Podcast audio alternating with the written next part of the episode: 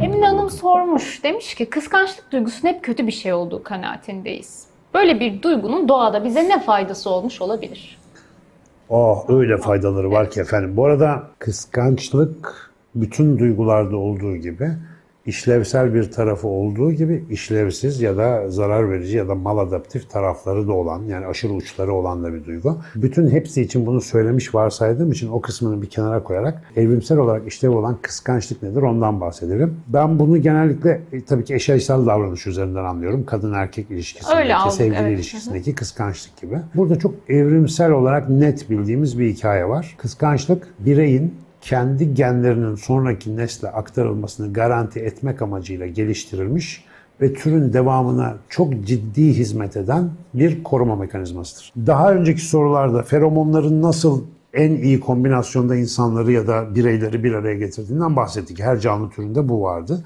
Şimdi bunlar bir tane yavru yapacaklar ama bunlar dünyada birbirine tek uyumlu olan iki birey değil. Yani bunlar başkalarıyla da uyumlu. Yavaş yavaş gözler kayacak, bir şeyler olacak. Hatta tam onlar belki yavru yapamadan, bir şey olmadan araya birileri girebilecek. Bu uyumlu genetik kombinasyonun yavruya dönüşmesi ve yavrunun hayatta tutulup üreme yaşına gelebilmesini garanti edebilmek için o yavruyu dünyaya getirecek ve büyütecek minimal şartların sağlanması lazım. Bunun önemli faktörlerinden biri de erkeği dişiyi yani anneyi babayı bir arada tutmak. Ve bu bir arada tutmak ağırlıklı olarak çocuğun yani yavrunun selahiyeti ve selameti için gibi gözüküyor. Çünkü kıskançlık tiplerine ve ortaya çıkış biçimlerine baktığınızda bunu net olarak görüyorsunuz. Çok özetle hepimizin bildiği bir şeyi hatırlatayım. Kadında ve erkekte İnsanda kıskançlık örüntüleri farklı. Erkekler cinsel sadakatsizliğe karşı çok hassaslar ve bu konuda toleranssızlar. Çoğu toplulukta bunun izlerini görürsünüz. Maalesef bizim dilimize de iğrenç bir şekilde namus cinayeti diye geçmiş bir kavram var. Hani bunun en aptalca uç noktalarından bir tanesi. Cinsel sadakatsizliği ölümle cezalandırmaya varana kadar anlamsız uçlara sürükleyebilen bir biyolojik altyapı var. Bu biyolojik altyapının sebebi şu. Erkek bir kadından olan çocuğun kendisinden olup olmayacağını bilemez. Yani orada bir çocuk olduğu zaman kendisi cinsel birleşme yaşamış da olsa o kadınla o çocuk başkasının çocuğu da olabilir. Onun kendi çocuğu olduğunu garanti etmesi biyolojik açıdan mantıklıdır. Çünkü kendi genlerini taşımayan bir çocuğu beslemesinin yani o türün devamı açısından mantıklı bir yol olmadığı açıktır. Dolayısıyla bir şekilde erkeğin o çocuğun kendi çocuğu olduğunu garanti edecek bir mekanizmayla donatılması lazım. Mekanizmalardan biri kıskançlık. Yani eşinin yanına kimseyi yanaştırmam. Gorillere gidin, zürafalara gidin. Bütün canlılarda bunu görürsünüz. Alfa erkek mesela parçalar bir başka erkek geldi mi dişinin yanına. O yüzden böyle sürekli bir koruma halindedir. Ama burada cinsel korumacılık. Erkeklerde ikinci bir mekanizma daha var. Çok süper. İnsanlarda yapılan bilgisayar destekli deneylerde de bu gözüküyor. Bir bebeğin, bir yavrunun kendisine ait olup olmadığını yüzüne baktığında anlayabiliyor. Böyle dürtüsel bir mekanizma var ve kendisine benzemeyen bebeğe karşı bir, şey, bir şekilde iticilik hissediyor ya da ona saldırgan davranıyor yahut onu öldürmek istiyor.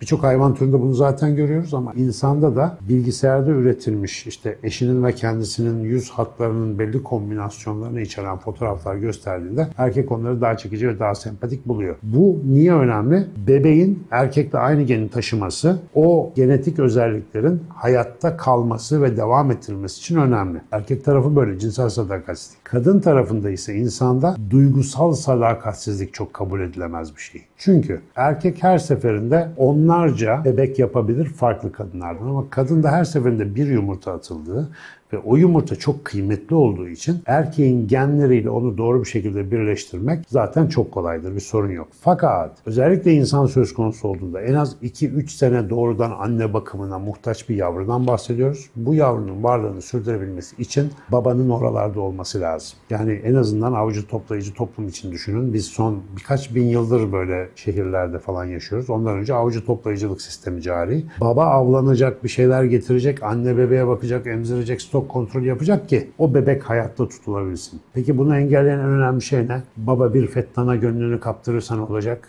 Aa uçup gidecek. Başkalarıyla cinsel ilişki yaşaması çok öncelikli olarak hassas bir mesele şeklinde algılanmıyor dış tarafından.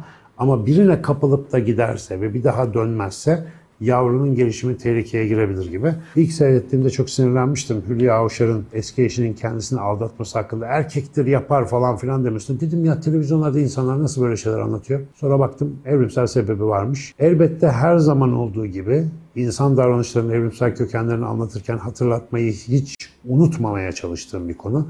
Bizi insan yapan tabiatımızı kültürümüzde daha işlevsel bir hale dönüştürüp onu koruyabilme becerisidir. Yani hayvani yönümüzü terbiye edip onu insanlaştırabilme becerisidir. Dolayısıyla bu anlattıklarımız haydi hayvani yönümüzü tanıyalım başlığı altında konulardır. Yoksa hadi hayvan gibi çayırlara salalım demek değildir efendim. Bunu da ayrıca betimlemiş olayım bilmem. Emine Hanım şey oldum ama biraz hızlı anlatmaya çalıştım. Süre bitiyor diye strese girmiştim ama sizin sayenizde tam bir denk getirdim. Bu namus meselesiyle alakalı çok fazla soruyu almıyorum ama kavramların sabitlenmesi ve kavramların eleştirilemez düşünmesine dair ben vaktiyle sizle konuştuktan sonra da bir yazı yazmıştım. Gazete Pencere'de var. Mesele sadece orada namus kelimesini bir örnek olarak aldım ve siz de bu biyolojik yapının altını verirken ben de kültürel ve psikolojik altyapısına değinmek istedim. Orayı sadece şöyle hatırlatıyorum. Kavramlar değiştirilemez değil. Yani Namus kelimesi mesela nomos'tan geliyor. Aslında Tanrı'nın ve işte dinin ve bütün kuralların var olduğu sistemde ölçülü bir şekilde yaşamak, yaşatmak anlamına gelirken biz döndüre döndüre bunu almışız namus kelimesini. Bizim kültürümüzdeki şekline büründürmüşüz. Namus kültürünü oluşturmuşuz. Ha, aynı kelimeyi hocam başka bir kültür almış, döndürmüş, döndürmüş. Namusu onur kültürüne dönüştürmüş. Başka bir kültür almış, döndürmüş, döndürmüş. Adı direkt bu sefer şey, e, pardon biri imaj kültürüne döndürmüş, biri de onur kültürüne döndürmüş.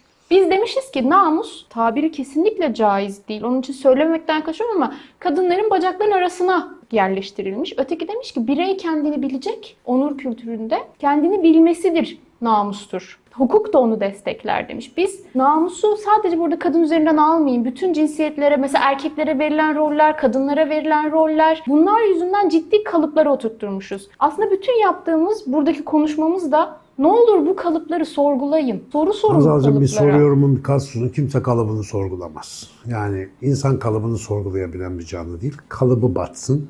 Onu sorgulayabilmesi mümkün değil. Thomas Kuhn'un bilimsel devrimlerin yapısında söylediği bir uyarıyı sanıyorum. Demin bu olmuş dedim ya bu dolmuş demem lazım şimdi. Birçok genç bu konuda çok dolu çünkü. Haklı olarak. Ama Thomas Kuhn bilimsel devrimlerin yapısında diyor ki hiçbir bilimsel fikir bilim insanları onun ne kadar harika olduğunu kabul edip de ay bundan sonra böyle düşüneceğiz dedikleri için değişmez. Bilimsel paradigmalar nesil ölüp yerine yeni nesil geldiği zaman değişir. Dolayısıyla kimse kalıbını sorgulamayacak. Sevgili Açık Bey'in sen de çok zor sorgulayacaksın. Hani yapamazsın demek istemiyorum ama bak ben de kalıplarımı çok zor sorguluyorum. Kalıp sorgulamak zor iş. Kalıplarını sorgulamaya niyet etmiş insanların bir araya gelerek oluşturduğu korunaklı fikri sığınaklar sizin en azından birlikte sorgulama yapabilmenizi sağlar. Açık Bey'in böyle bir yerdir. Hoş geldiniz buraya. Artı Oradan o örnek olarak oluşturulacak davranışlar, yeni çıktılar, yeni bilgiler, yeni görgüler, yeni yollar insanlara yeni ve başka işlevsel kalıpların varlığını hatırlatarak toplumu değiştirme rolü oynayabilir. O yüzden ben şu anda evinde barkında oturup da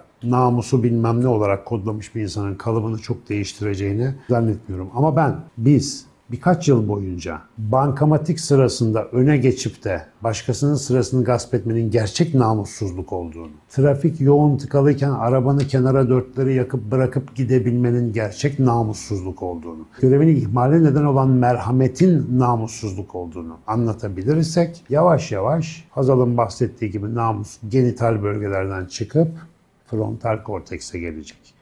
Bizi insan yapan şey de o olacak. Batı toplumlarında kimin kiminle düşüp kalktığının hiçbir önemi yoktur. Ama orada bir vergi kaçırırsan damağını sökerler.